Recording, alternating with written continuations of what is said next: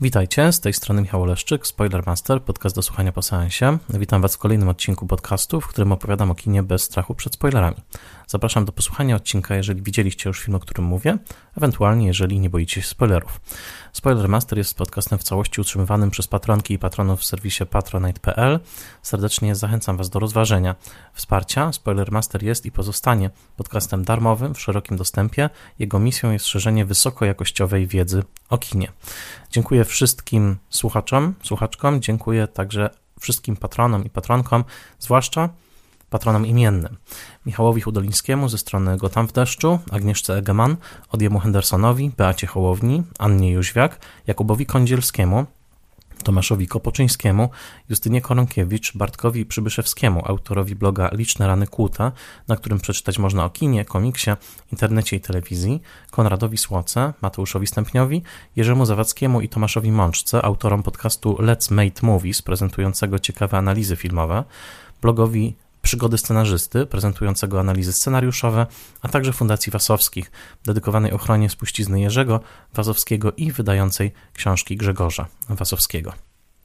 W dzisiejszym odcinku opowiem Wam o jednym z klasycznych musicali ekranowych, który tak się składa w listopadzie roku 2021, roku, w którym nagrywam ten odcinek podcastu, będzie obchodził swoją 50. rocznicę powstania. Ekranowa wersja Skrzypka na dachu miała miejsce, w, mm, miała swoją premierę w mm, listopadzie roku 1971. Film wyreżyserował Norman Jewison, reżyser znany już słuchaczom Spoilermastera, chociażby z odcinka o wpływie Księżyca, ale także z odcinka o filmie W upalną noc.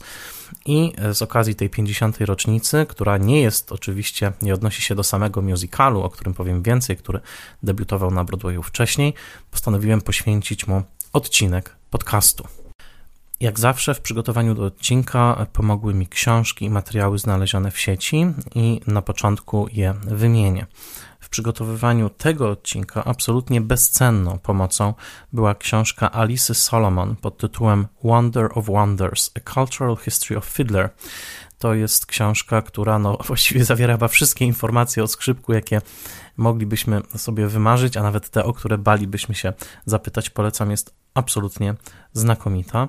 Do tego książka Piotra Adama Mazurkiewicza pod tytułem Świat skrzypka na dachu, poświęcony kulturom żydowskich sztetli. Autobiografia reżysera Normana Jewisona This Terrible Business Has Been Good to Me. E, to jest książka, w której on opisuje swoje życie i swoją drogę reżyserską. Do tego same opowiadania, które stały się podstawą musicalu scenicznego Skrzypek na dachu, opowiadania Shoema Alejchema. Dzieje Tewi Mleczarza, tak zostały wydane w Polsce. Ja posługiwałem się wyda wydaniem z roku 1989 w przykładzie Anny Dresnerowej. Do tego um, oczywiście materiały znalezione w sieci, anglojęzyczna Wikipedia i nie tylko, a także film dokumentalny pod tytułem Fiddler Miracle of Miracles w reżyserii Maxa Lewkowicza. Te wszystkie materiały zostały także wzbogacone wspaniałymi dodatkami, e, które obejrzałem na Blu-rayu z filmem e, Skrzypek na dachu. Ten Blu-ray, wydany z okazji 40. rocznicy Skrzypka, czyli 10 lat temu, jest dostępny na amerykańskim Amazonie i poza wspaniale zrekonstruowaną cyfrowo wersją filmu zawiera m.in. 3-godzinny komentarz reżysera i aktora Haima Topola. Swoją drogą ten komentarz jest obecny także na polskiej płycie DVD, która przed latem była wydana, a także, i to jest e, coś, czego na tej płycie DVD nie było, jest tam znakomity dokument pod tytułem Norman Jewison Filmmaker, który jest o tyle ciekawy, że został zrealizowany na zlecenie Kanadyjskiego Instytutu Filmowego na planie Skrzypka na dachu w Jugosławii i można zobaczyć znakomite momenty, kiedy Norman Jewison reżyseruje swój film.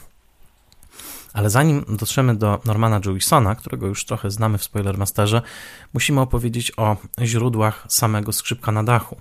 Każdy z nas, albo przynajmniej wielu z nas, potrafi na pewno zanucić piosenkę If I Were a Rich Man, gdybym był bogatym. To jeden ze szlagierów tego broadwayowskiego hitu.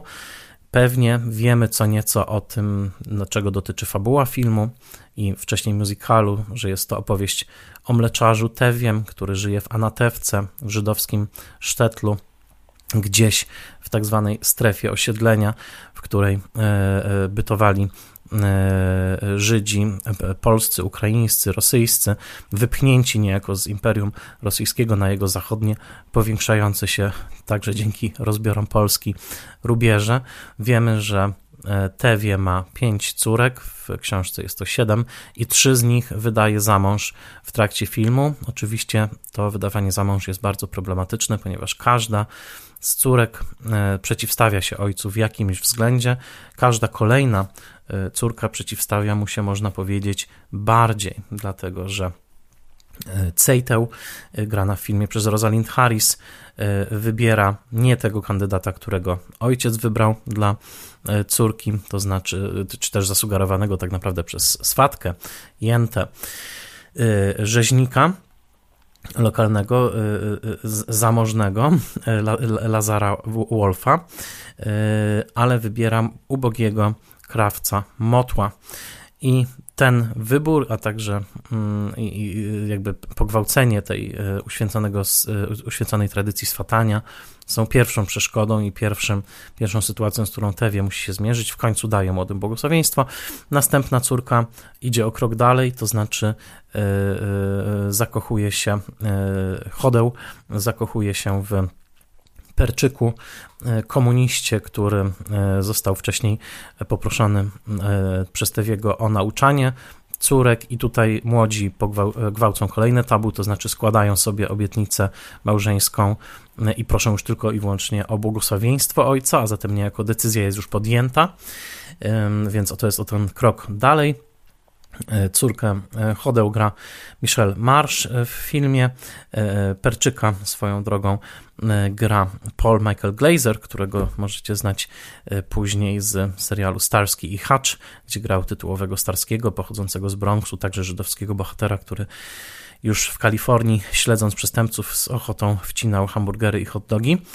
Trzecia córka E, mianowicie e, Hawa, grana przez Neve Small, w filmie idzie najdalej, e, wybiera Goja, Fietkę, lokalnego ukraińskiego chłopa, mm, który ta, ten wybór jakby wychodzący już poza granice, mm, poza granice religii, swoją drogą gra go Raymond Lovelock, to, to jest już za dużo dla Tewiego, on nie błogosławi tego związku, wyklina, Hawę, wyklina Hawę mówi jej, że nie jest już e, częścią rodziny, właściwie, że jest już martwa dla rodziny.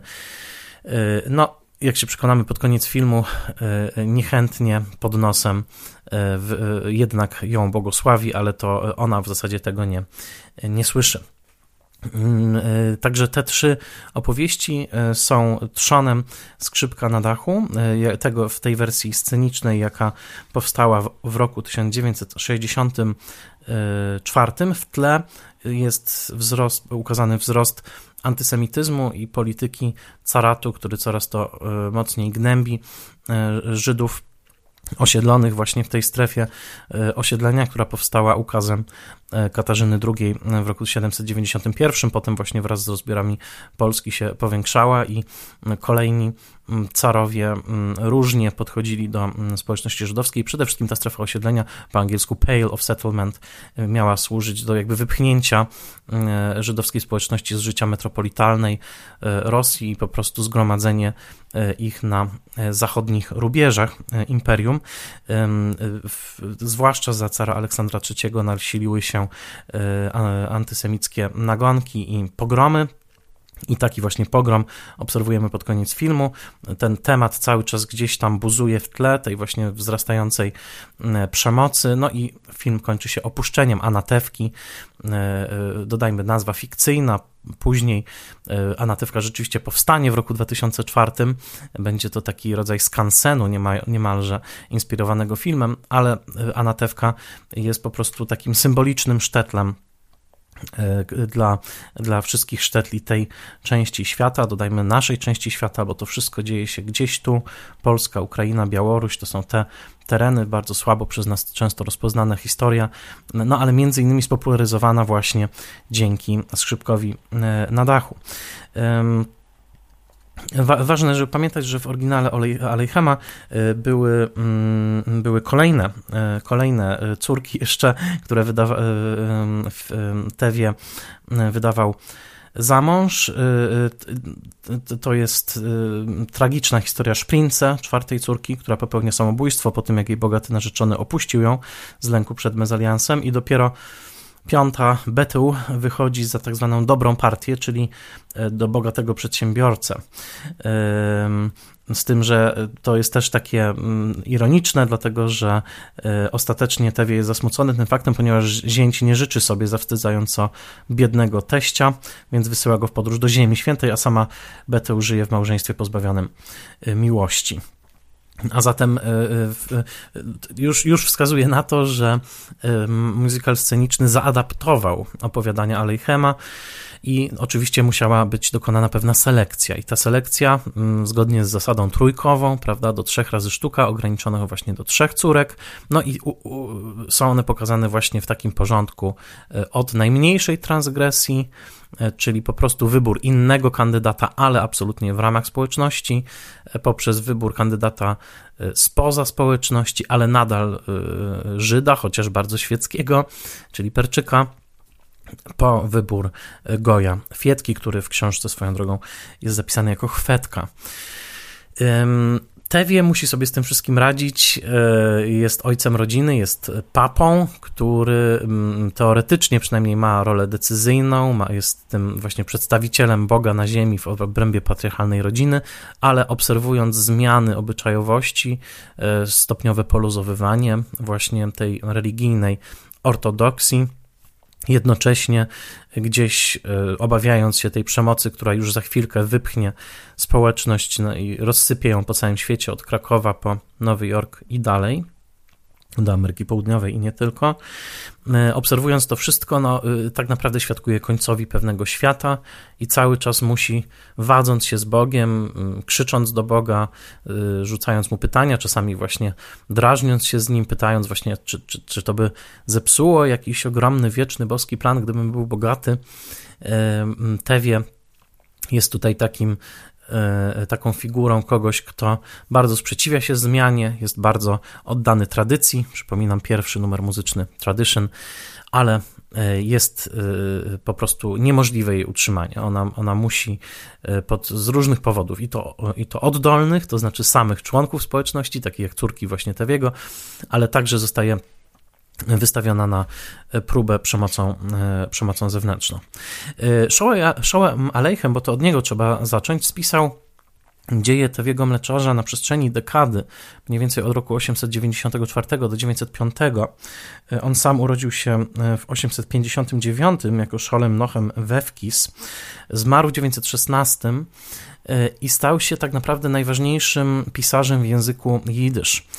Literatura, żydowska, ta z wysokiego rejestru kulturowego, otoczona kulturowym szacunkiem, spisywana była po hebrajsku. Jidysz, który był językiem ulepkiem, chciałoby się powiedzieć, i to takim e, związanym bardzo mocno właśnie z klasami niższymi, ludowymi e, wschodnioeuropejskich Żydów, był, był często pogardzany na różne sposoby. Tymczasem Aleichem był jednym z tych, którzy mm, ogromnym literackim i także politycznym wysiłkiem wynieśli jidysz do rangi takiej e, przedmioty dumy, e, przedmioty, przedmiotu estetycznego, zachwytu, właśnie jako do, do języka literackiego, jednym słowem. Badaczka Cynthia Ozik pisała w swoim eseju o Szolemie Alejchemie dla pisma New Yorker w roku 1988, pisała o jidysz tak. Jidysz był językiem wygnania, językiem tymczasowym, skleconym. Przynależał niefortunnemu czasowi historycznemu. Jidysz nadawał się do mówienia o wiązaniu butów, ale to hebrajski przynależał królestwu myśli, a nawet zwykłemu dobremu wychowaniu.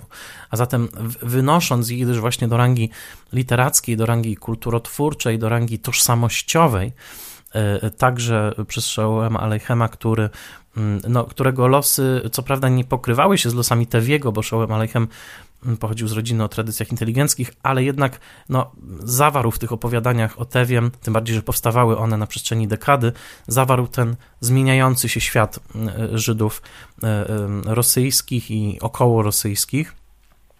To bardzo istotne, żeby pamiętać, że właśnie to, że stał się pisarzem tak poczytnym i że zwłaszcza jego sukces wśród emigrantów żydowskich w Stanach Zjednoczonych.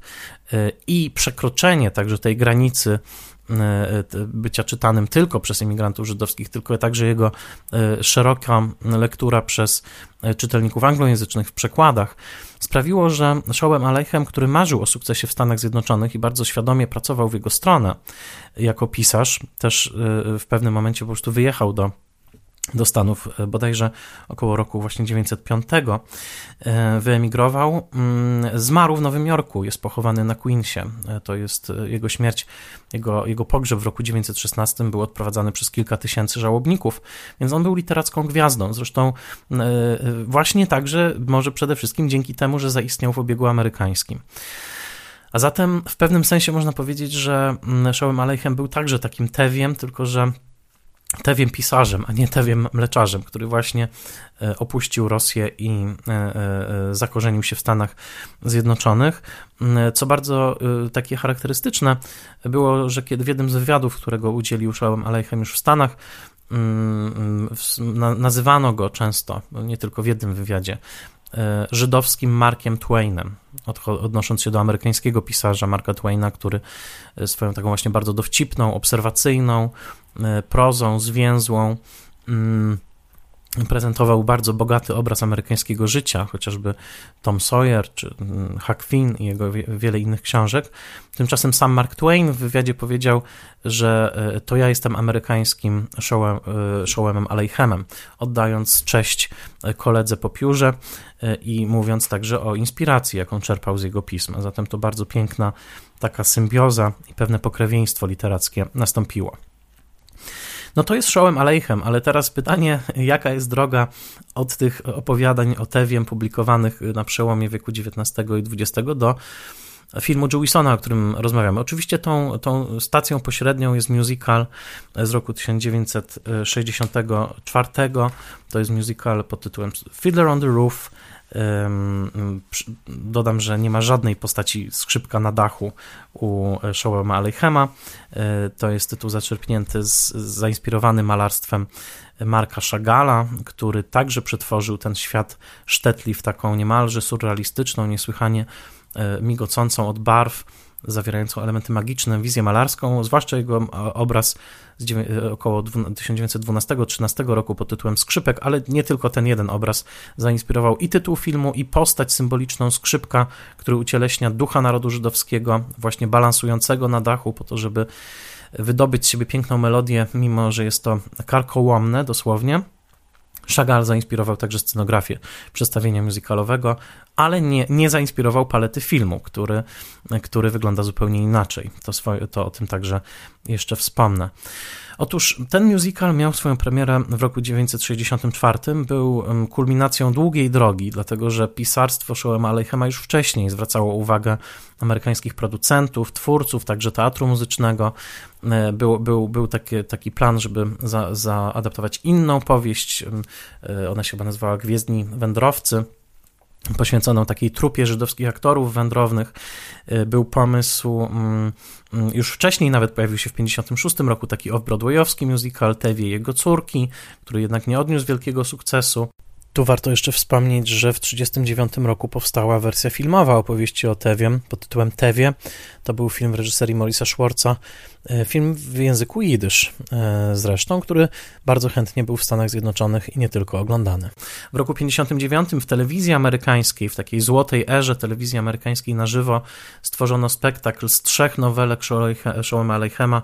Swoją drogą w roli głównej wystąpił Zero Mostel, czyli późniejszy Tewie na Broadwayu pod tytułem Świat Shoema Aleichem, The World of Shoem Aleichem. Możecie to w całości zobaczyć na YouTubie, on jest, ale przejdźmy do rzeczy, przejdźmy do sedna, bo musimy dojść jeszcze do filmu. Więc kto stworzył musical sceniczny, który okazał się największym hitem broadwayowskim tamtego czasu i przekroczył 3,5 tysiąca e, przedstawień? E, był grany przez wiele, wiele lat i doczekał się e, później kolejnych tak zwanych revivals, pięciu aż na Broadwayu, nie licząc już tych West Endowskich, londyńskich. Mm, otóż kto stworzył ten musical? No i teraz trzeba wymienić te osoby, bo naprawdę bez nich nie byłoby, nie podśpiewywalibyśmy tak często I'm, If I Were a Rich Man. Wymienię ich po kolei i każdego króciutko przedstawię, bo to też nie czas, żeby każdego bardzo szczegółowo przedstawiać, ale te nazwiska trzeba znać, bo jeżeli nucimy te piosenki, to oddajmy sprawiedliwość ludziom, którzy je stworzyli. A zatem muzyka Jerry Bock, urodzony w 1928 roku w New Haven. E, i związany z nim nieodłącznie, wymieniam ich niemal jednym, na jednym oddechu, Sheldon Harnick, urodzony w 1924 roku w Chicago, E, to bardzo istotne, bo e, oni byli duetem nie tylko przy tym musicalu, zaistnieli już wcześniej, dostali nawet nagrodę Tony, dostali nagrodę Pulitzera za musical z roku 59 pod tytułem Fiorello, który opowiadał o burmistrzu Nowego Jorku Fiorello LaGuardi. To taka tradycja nowojorskiego broadwayowskiego musicalu, że często komentuje bardzo współczesne wydarzenia i no, jakoś sobie chyba nie umiemy wyobrazić polskiego musicalu, nie wiem, o Rafale Trzaskowskim na przykład, tak? A to w Stanach jest to tradycja. Burmistrz Ed Koch na początku lat 80. także doczekał się swojego musicalu Charlesa Straussa pod tytułem The Mayor. No ale to był wielki sukces, właśnie Fiorello. I, i to, to, to sprawiło, że oni jakby nabrali wiatru, wiatru w żagle. E, I ich projektem było właśnie stworzenie adaptacji Skrzypka na dachu. Libretto napisał Joseph Stein, E, czy Stein, urodzony w 1912 roku na Bronxie. No i te trzy osoby okazały się kluczowe, czyli powtórzę, libretto Joseph Stein, słowa piosenek Sheldon Harnick, muzyka Jerry Bock. E, wszystko to amerykańscy Żydzi już urodzony, urodzeni w Stanach Zjednoczonych, którzy żyli w kulturze i pamiętajmy o tym, bo to jest najważniejsza rzecz do zrozumienia w ogóle skrzypka na dachu, dlaczego on powstał, dlaczego miał takie ogromne powodzenie. E, kultura amerykańska aż do połowy lat 50. E, e, wcale nie była tak otwarta na żydowskie wpływy, jak jest mniej więcej od lat 60., aż do dzisiaj. Pamiętajmy, że co prawda Hollywood na przykład było zakładane w całości przez żydowskich producentów, właśnie można powiedzieć wygnanych z Anatewki, chciałoby się powiedzieć, bo wszystkie wielkie wytwórnie były założone właśnie przez nich, ale jeżeli chodzi o samą tożsamość żydowską, o jej ujawnianie, prezentowanie, yy, ogrywanie, to była ona bardzo mocno zakopana. Yy, dość powiedzieć, że przed E, Skrzypkiem na dachu nie ma innego żydowskiego musicalu, na który można by wskazać, który tak pewnymi garściami czerpałby z tej tradycji wschodnioeuropejskich e, e, Żydów, z której przecież tak wielu tych ludzi tworzących rozrywkę amerykańską się wywodziło.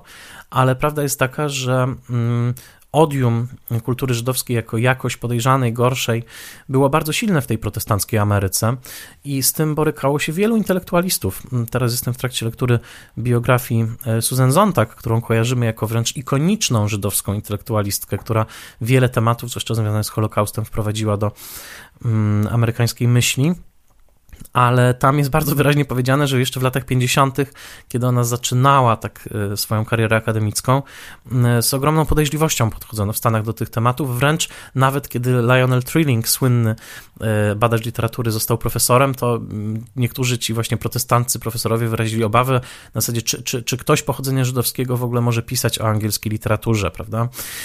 Y, bo, bo nie jest z tej kultury, więc to bardzo interesujące I, i teraz jakby dochodzę do sedna, dlaczego ten musical powstał i dlaczego dla tych ludzi, dla Jerego Bocka, dla Sheldona Harnika, dla Josepha Steina i bardzo dla Jeroma Robinsa, który był reżyserem tej wersji broadwayowskiej y, i właściwie nadał kształt temu musicalowi takiemu, jaki znamy, kształt artystyczny, później po części także przejęty przez Jewisona.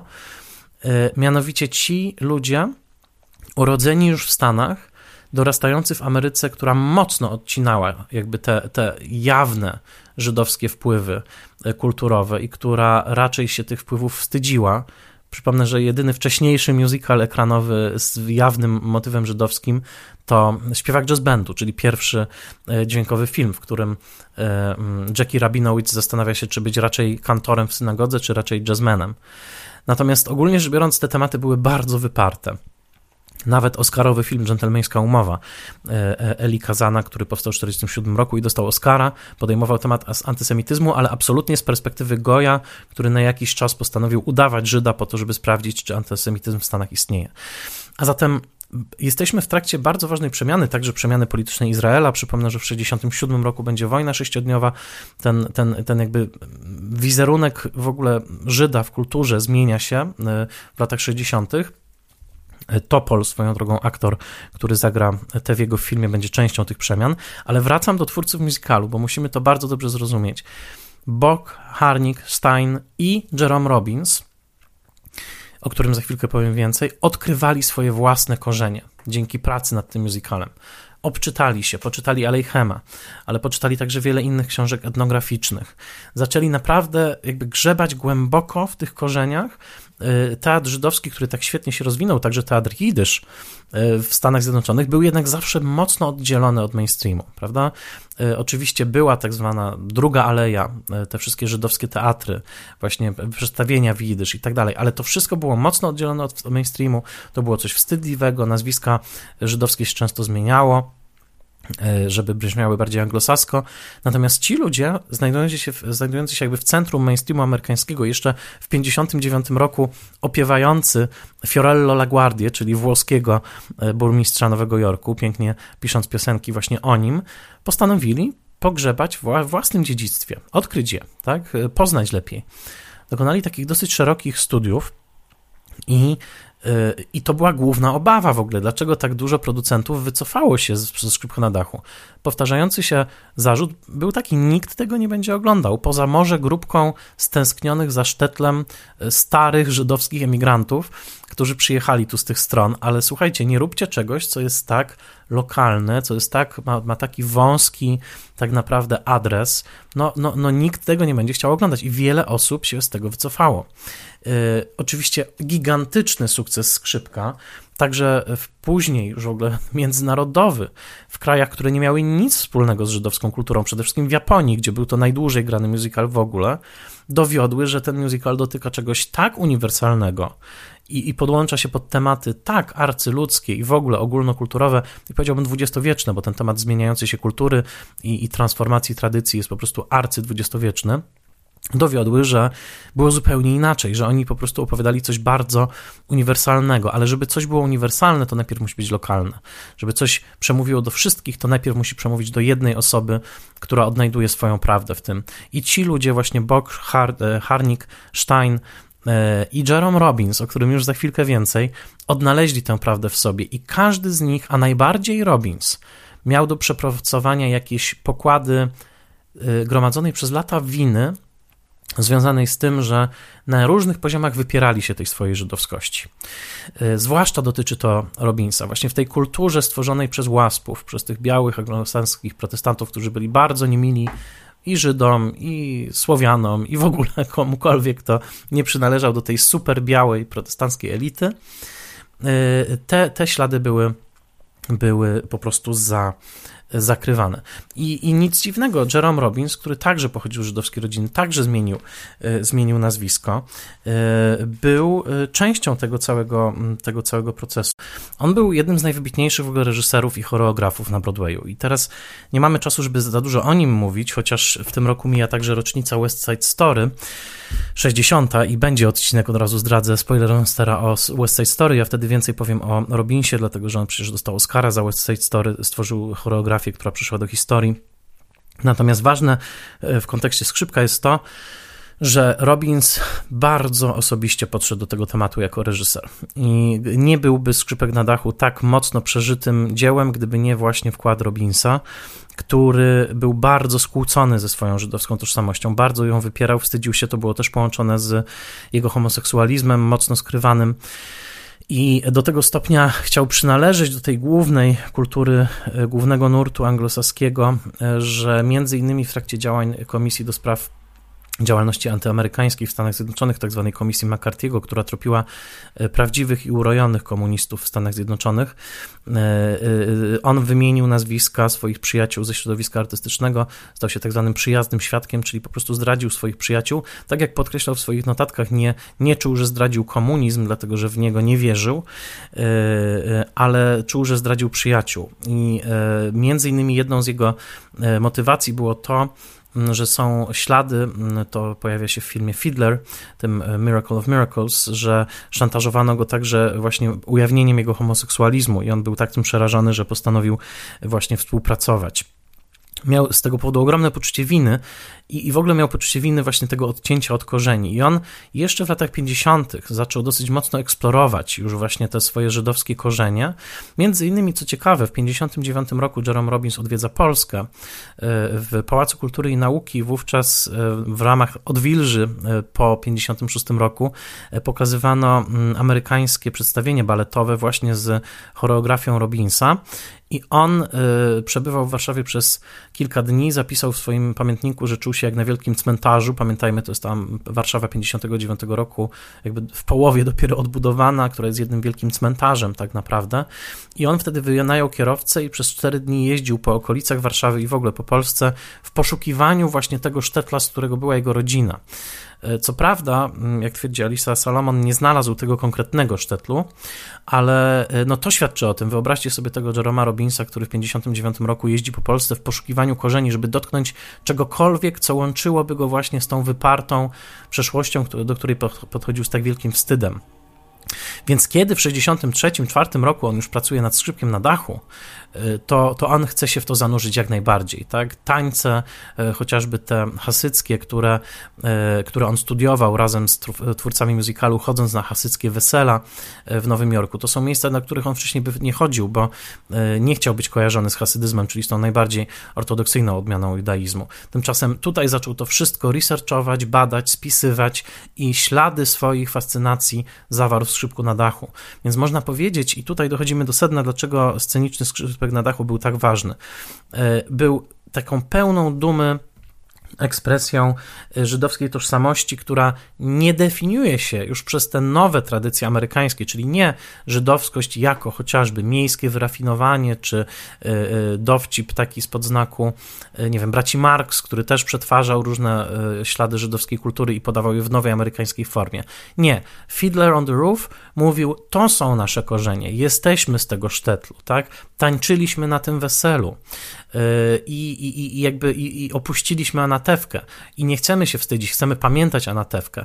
Być może nawet chcemy stworzyć swoją Anatewkę tu na tej scenie, tu w tym mieście, tu w tym kraju. Chcemy zaszczepić tą Anatewkę tu.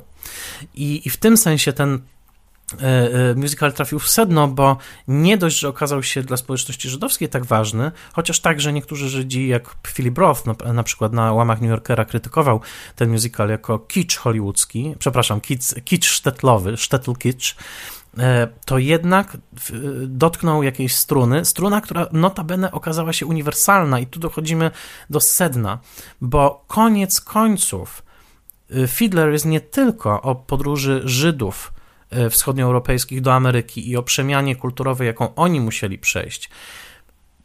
Ze skrzypkiem na dachu identyfikuje się każdy, kto odnosi się do własnej tradycji w sposób krytyczny, kto do własnej tradycji ma splątane, niejednoznaczne uczucia, a to jest doświadczenie 90% Amerykanów i przez jakby przez rozszerzenie całego świata dwudziestowiecznego, bo różne grupy imigranckie w Stanach, od Polaków po Chińczyków, po, po e, Portorykanów, borykali się z tym samym problemem, to znaczy problemem asymilacji. Z czego rezygnujemy z naszej tożsamości, co zachowujemy, gdzie jest nasz wstyd, gdzie jest nasza duma, jakim prawem mamy się wstydzić za to, kim jesteśmy. Ameryka, czy jest tym wielkim melting potem, gdzie wszyscy się mamy stopić, czy też każdy z nas powinien mówić swoim własnym dumnym głosem. I to dotyczy także XX wieku jako takiego. XX wieku, w którym tak ogromna ilość przemocy e, nastąpiła, a z drugiej strony, w którym narodziły się ruchy emancypacyjne, w którym e, do tej pory mm, marginalizowane grupy zaczyna, zaczynają przyjmować pewien język właśnie dumy z własnej tożsamości. w tym sensie Skrzypek na dachu jest arcy dwudziestowiecznym, dwudziestowiecznym tekstem, który pokazuje całą ambiwalencję w postaci Tewiego. Tewie, który z jednej strony odrzuca Hawę, z drugiej strony szeptem wygłasza jej błogosławieństwo. Tewie, który jednocześnie wyśpiewuje odę do tradycji i który zarazem godzi się kolejno na te odstępstwa od tej tradycji, jest kwintesencją dwudziestowiecznego bohatera, który z jednej strony musi ciągle przepracowywać tradycje, które zostały pozostawione przez poprzednie wieki, a z drugiej strony musi iść do przodu, musi ciągle się zmieniać, bo świat w XX wieku zmienił się jak w żadnym innym stuleciu.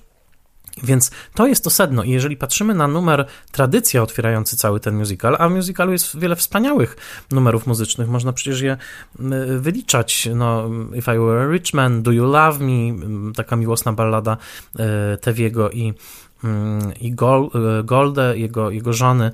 E, to, ale kiedy obserwujemy ten numer Tradycja, to pamiętajmy, że jego pomysłodawcą był właśnie Jerome Robbins.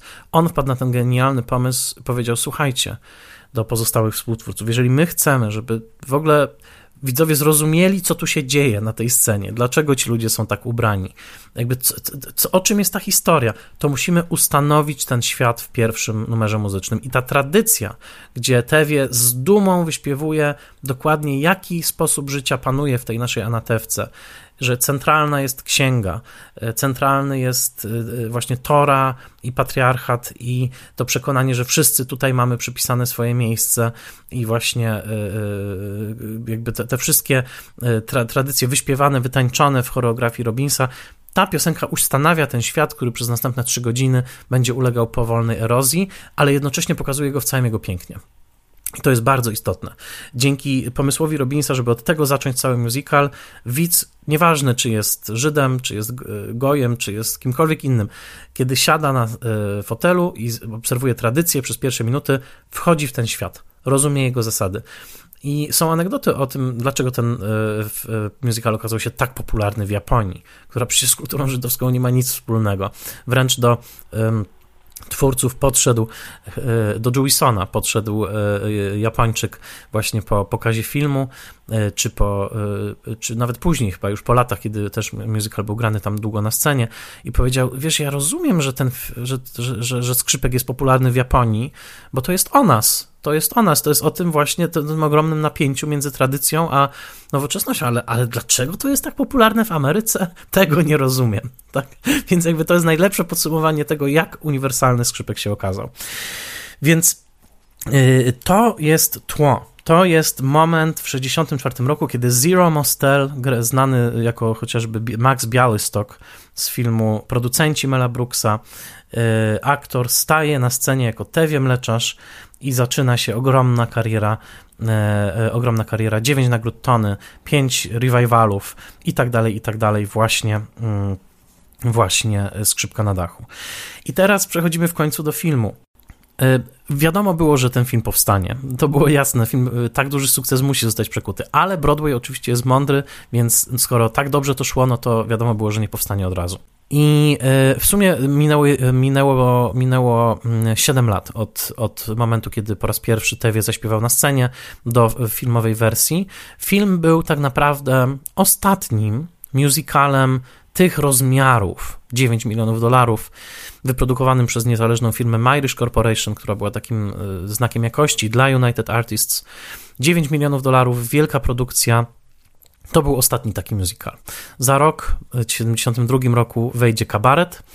E, kultura amerykańska, e, myślę o kabarecie Boba Fossa, zupełnie, Fossiego, zupełnie e, inny typ musicalu, ale ten szerokoekranowy, nakręcony w technikolorze, wystawny, 9-milionowy musical Normana Jewisona pod pewnymi względami jest taką pieczęcią zamykającą rozdział w historii Hollywoodu.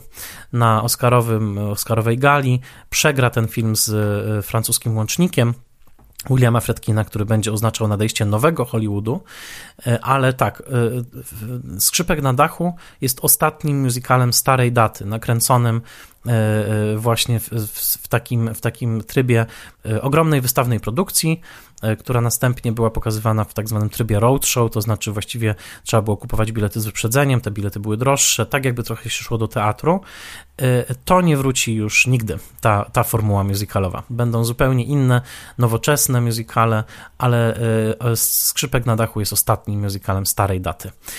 Okazał się także ogromnym sukcesem, najlepiej zarabiającym filmem roku 71. Norman Jewison, który nie jest Żydem, co bardzo istotne, mimo nazwiska sugerującego takie pochodzenie, jest metodystą z Kanady.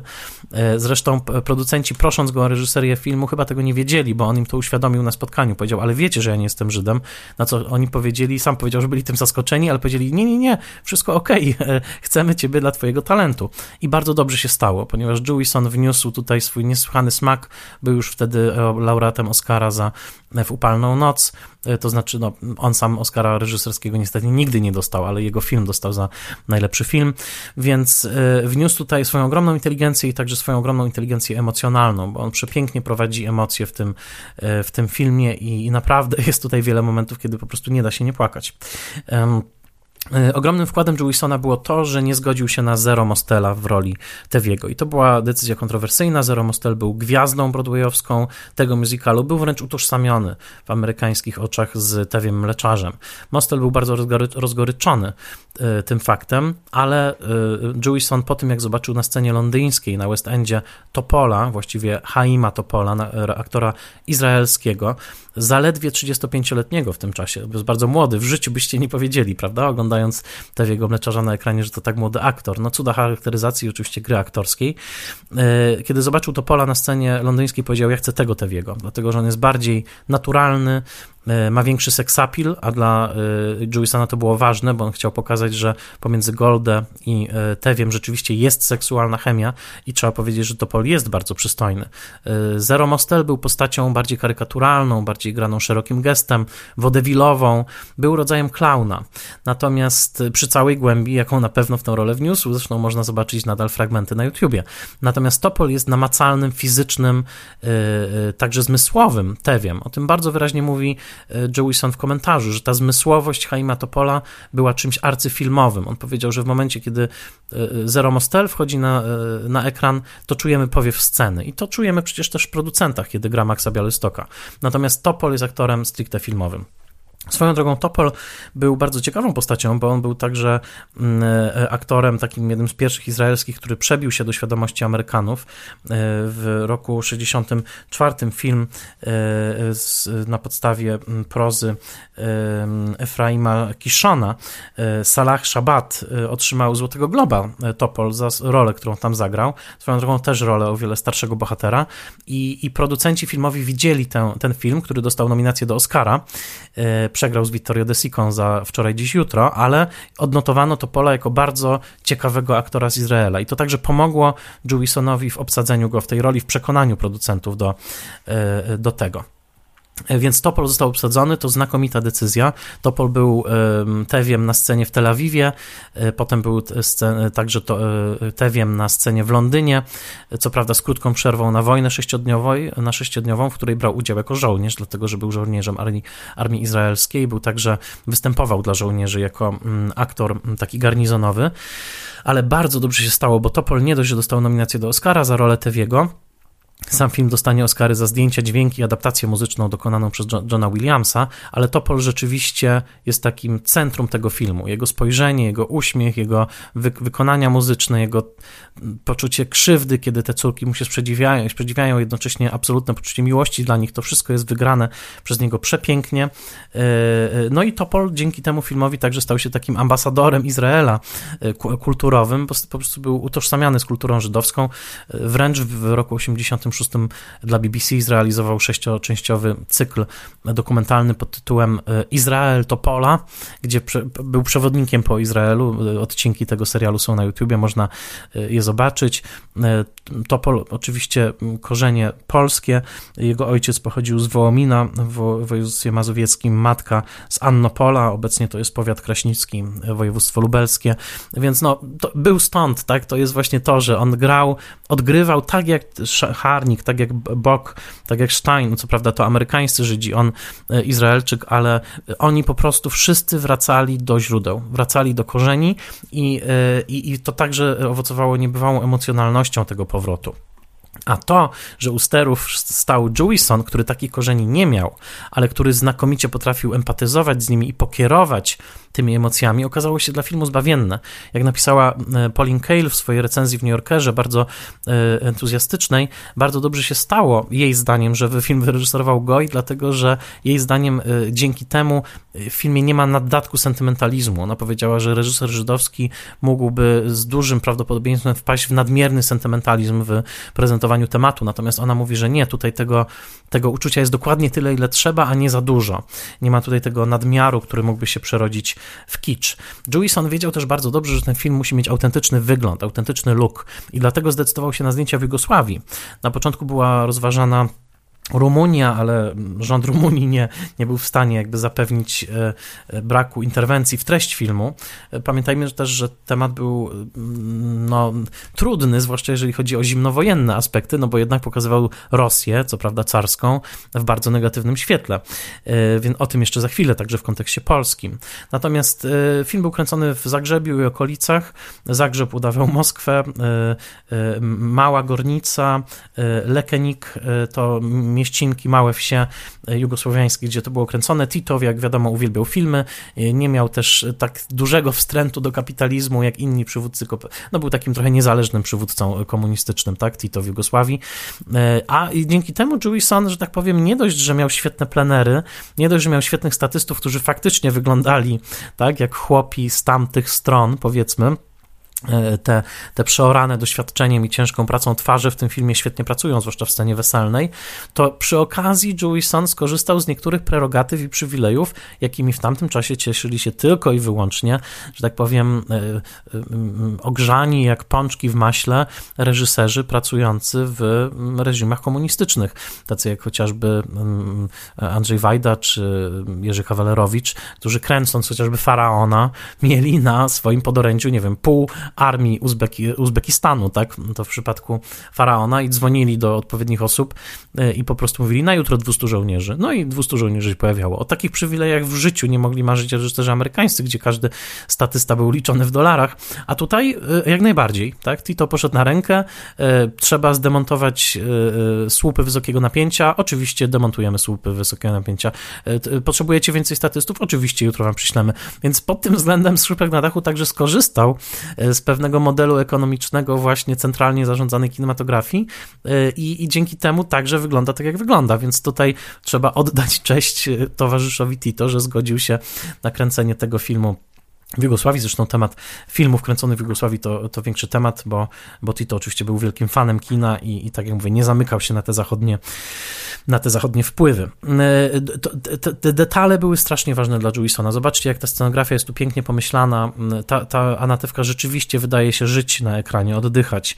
E, kury, konie, krowy zwłaszcza jeden koń, z którym zaprzyjaźniła się ekipa, nazwała go nawet Szmul, to jest ten koń, który był wyjątkowy, był starym, zmęczonym koniem, który już był w drodze do fabryki kleju, uratowała go ekipa i to był cudowny koń, który zatrzymywał się na drodze wiejskiej w każdym momencie, kiedy Tewie się na niej zatrzymywał, to znaczy, kiedy Tewie śpiewał If I Were Richmond, albo kiedy rozmawiał z kamerą, e, przepraszam, kiedy właśnie, kiedy przemawiał do nas w monologu, to koń zatrzymywał się w tych samych momentach co Tewie, za to kochał go Topol, za to kochał go Norman Jewison, nazwali go Szmul, a Jewison tak bardzo był wdzięczny temu koniowi, że nie psuł ujęć, że sfinansował jego ratunek, to znaczy po prostu uratował e, tego konia, on e, był e, sfinansowany, jego, jego, jego żywienie, jego utrzymanie przez najbliższe 4 lata po zakończeniu filmu, dzięki temu umarł spokojnie ze starości, a nie został zabity. Także jak patrzycie na konia, pamiętajcie w tej roli szmul, koń szmul. Mm, Topol był bardzo zachwycony pracą z Jewisonem. Powiedział, że to jest prawdziwy reżyser, który wie, jak poprowadzić postać, wie, jak poprowadzić opowieść. Pamiętajcie, że Topol wtedy nie mówił jeszcze świetnie po angielsku, musiał się wielu e, linijek uczyć fonetycznie. E, symboliczną symbiozą aktora i reżysera i taką ich przyjaźnią też jest to, że w brwiach Topola, które widzicie na ekranie, Pamiętajcie, Topol miał wtedy 36 lat, więc jeszcze nie siwiał aż tak bardzo. Y, możecie w brwiach Topola widzieć siwe włoski wyrwane z brody Normana Jewisona. Codziennie wyrywano siwe włosy Jewisona, który już wtedy mm, y, no, po, czter, y, po 40, więc wyrywano mu siwe włosy i wklejano je do brwi Topola. Oczywiście to był rodzaj żartu, ale także jest coś w tym bardzo pięknego, że siwizna reżysera y, y, pięknie o, posrebrzyła brwi aktora. Y, sam Jewison powiedział, że pod koniec filmu już prawie brody nie miał, bo po prostu codziennie mu te włoski wyrywano. Było to też traktowane w, trochę w takim w kategoriach talizmanu magicznego, jakiejś dobrej wróżby. Pod tym względem to była długa produkcja, 9 milionów dolarów, 100 dni zdjęciowych, zdjęcia studyjne były kręcone w Londynie, w słynnym studio Pinewood, a są tutaj sceny wybitne wybitnie studyjne, jak chociażby niebywale teatralna, ale i pięknie zrealizowana scena koszmaru Tewiego, kiedy to Fruma Sara, e, e, nie, nieżyjąca już żona e, Lazara Wolfa wraca z zagrobu, a właściwie to Tewie twierdzi, że ona wraca z zagrobu, ale widzimy ją na ekranie po to, żeby nastraszyć Goldę i zmienić jej zdanie odnośnie tego, że Cejteł powinna poślubić Motła, a nie Lazara. I jak spojrzycie na film, to cały film jest właśnie przemieszaniem tych pięknych plenerów, które rzeczywiście tu bardzo grają, bo to jest film zewnętrzny, to jest film plenerowy. Gdyby ten film był kręcony w Hollywood, to z dużym prawdopodobieństwem czulibyśmy powiew studia w każdej scenie. Tymczasem tutaj ten powiew studia jest, ale on jest stosunkowo rzadki. On jest właśnie chociażby w scenie koszmaru, on jest w scenach w gospodzie.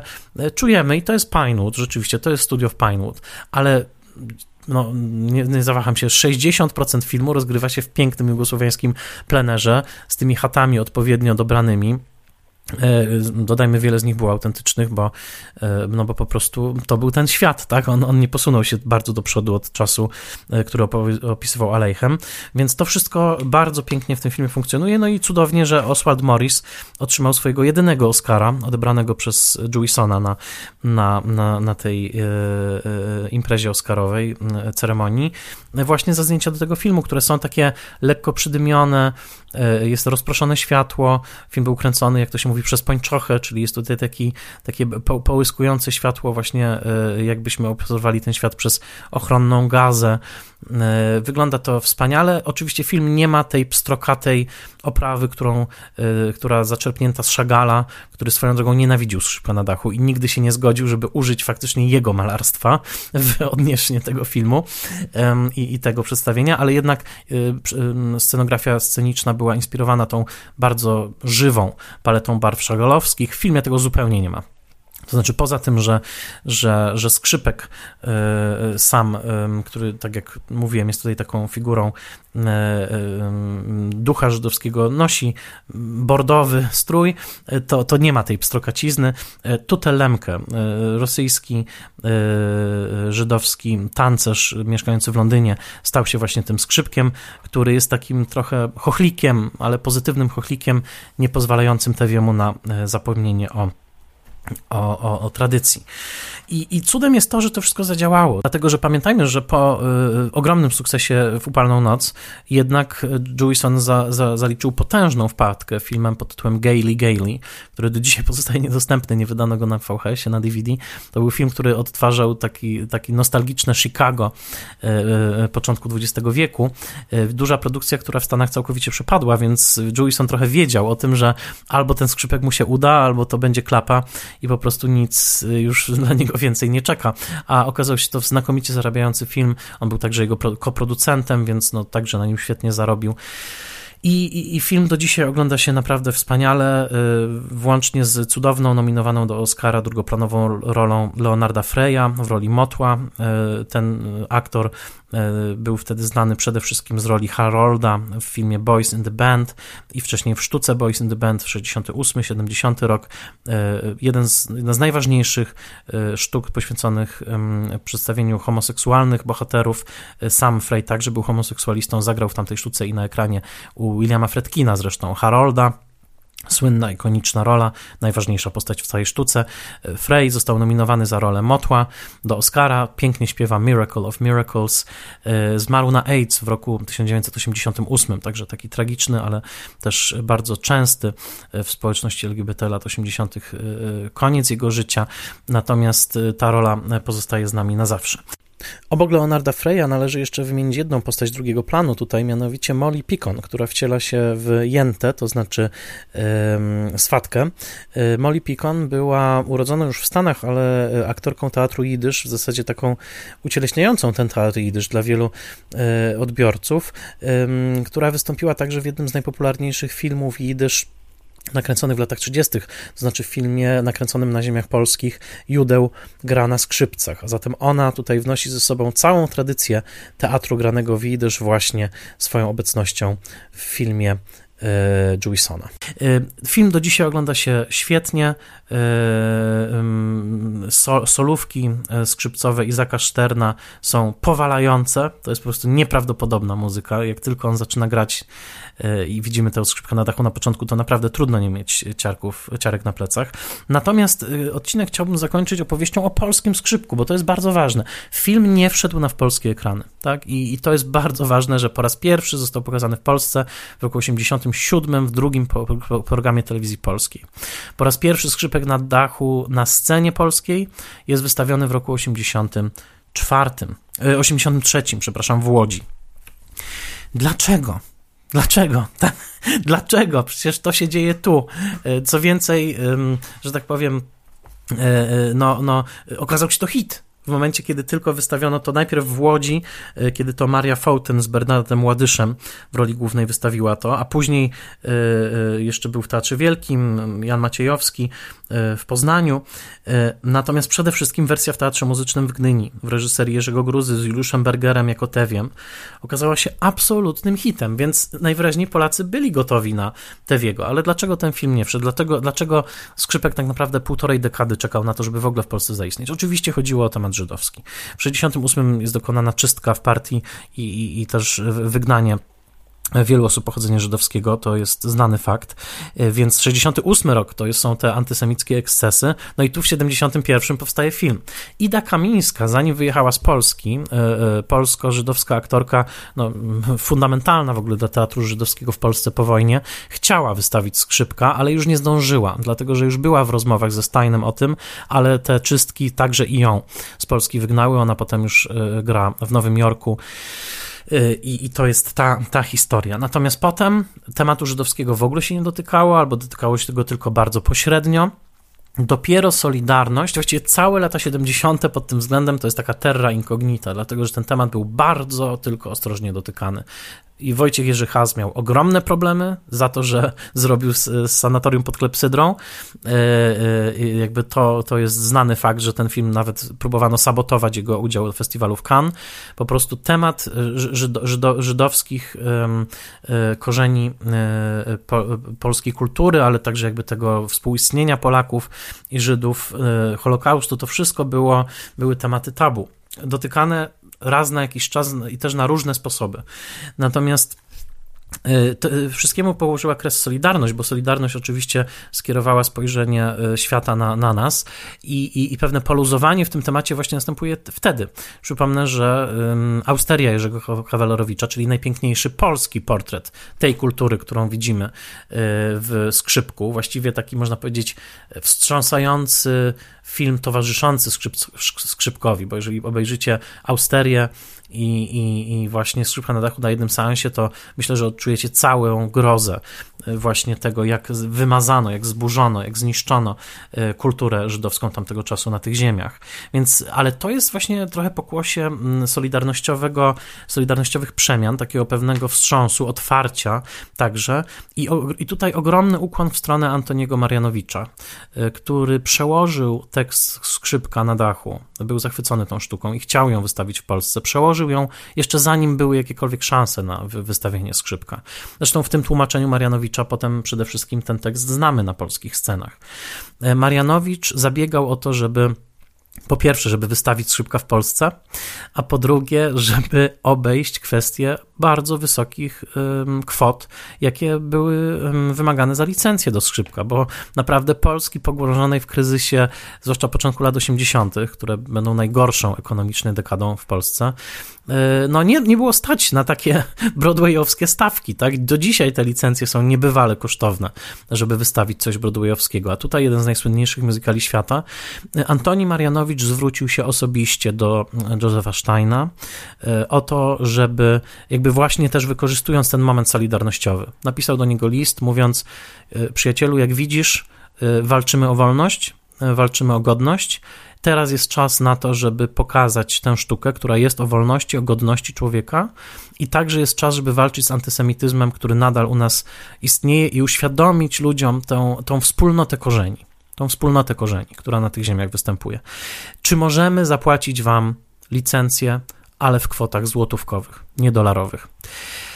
Joseph Stein się zgodził, napisał bardzo serdeczny list, powiedział, że oczywiście przyjmiemy to w tych kwotach, o jakich mówisz. Y, wierzymy, że ta sztuka przyczyni się do tego, żeby właśnie e, promować, e, promować e, przyjaźń polsko-żydowską i było też powiedziane, że mm, te kwoty zostaną przez, prze, prze, przeznaczone na rekonstrukcję żydowskich cmentarzy w Polsce. Więc w pewnym sensie dzięki zabiegom Antoniego Marianowicza i dzięki temu, że Jerzy Gruza, kiedy odwiedział Stany Zjednoczone w latach 60., obejrzał fragmenty skrzypka, nie, był, nie widział go scenicznie, ale obejrzał fragmenty w telewizji amerykańskiej właśnie z Zero Mostelem, zaśpie, zaśmiewał się i wiedział, że chce to przenieść na, na, na, na scenę.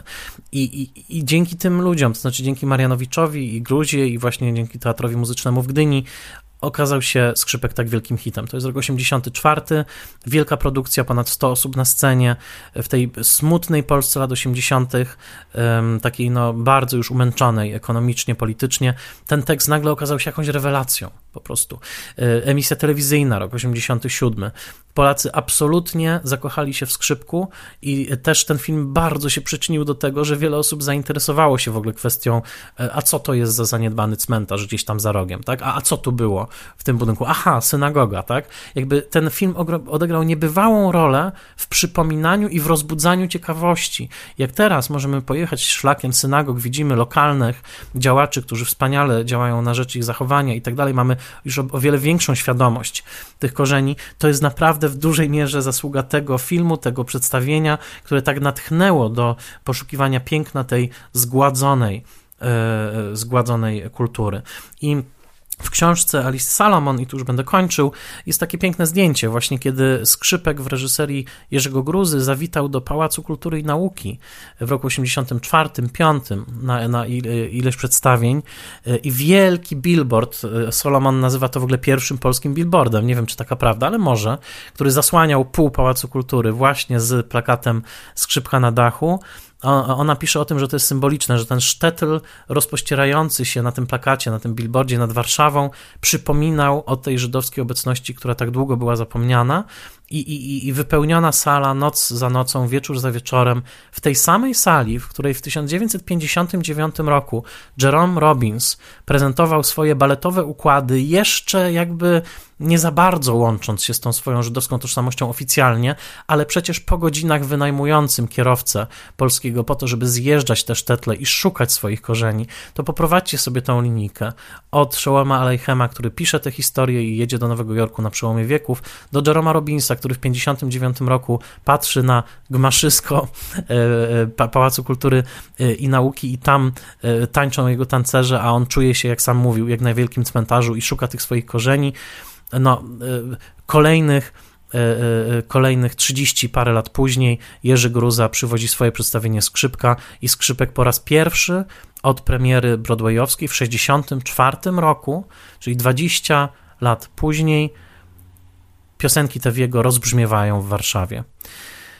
Parę lat później, w 1987 roku, rozbrzmiewają w każdym polskim domu, kto włączył seans skrzypka. Wówczas, no i później oczywiście pojawiają się kasety wideo, i w ten sposób Tewie Mleczarz wrócił w te strony, można powiedzieć. A fakt tego, że w 2014 roku jeszcze założono Anatewkę, której wiceburmistrzem honorowym jest Rudy Giuliani i podobno są tam jakieś straszne przewały finansowe, o tym możecie poczytać sobie w tekstach w internecie.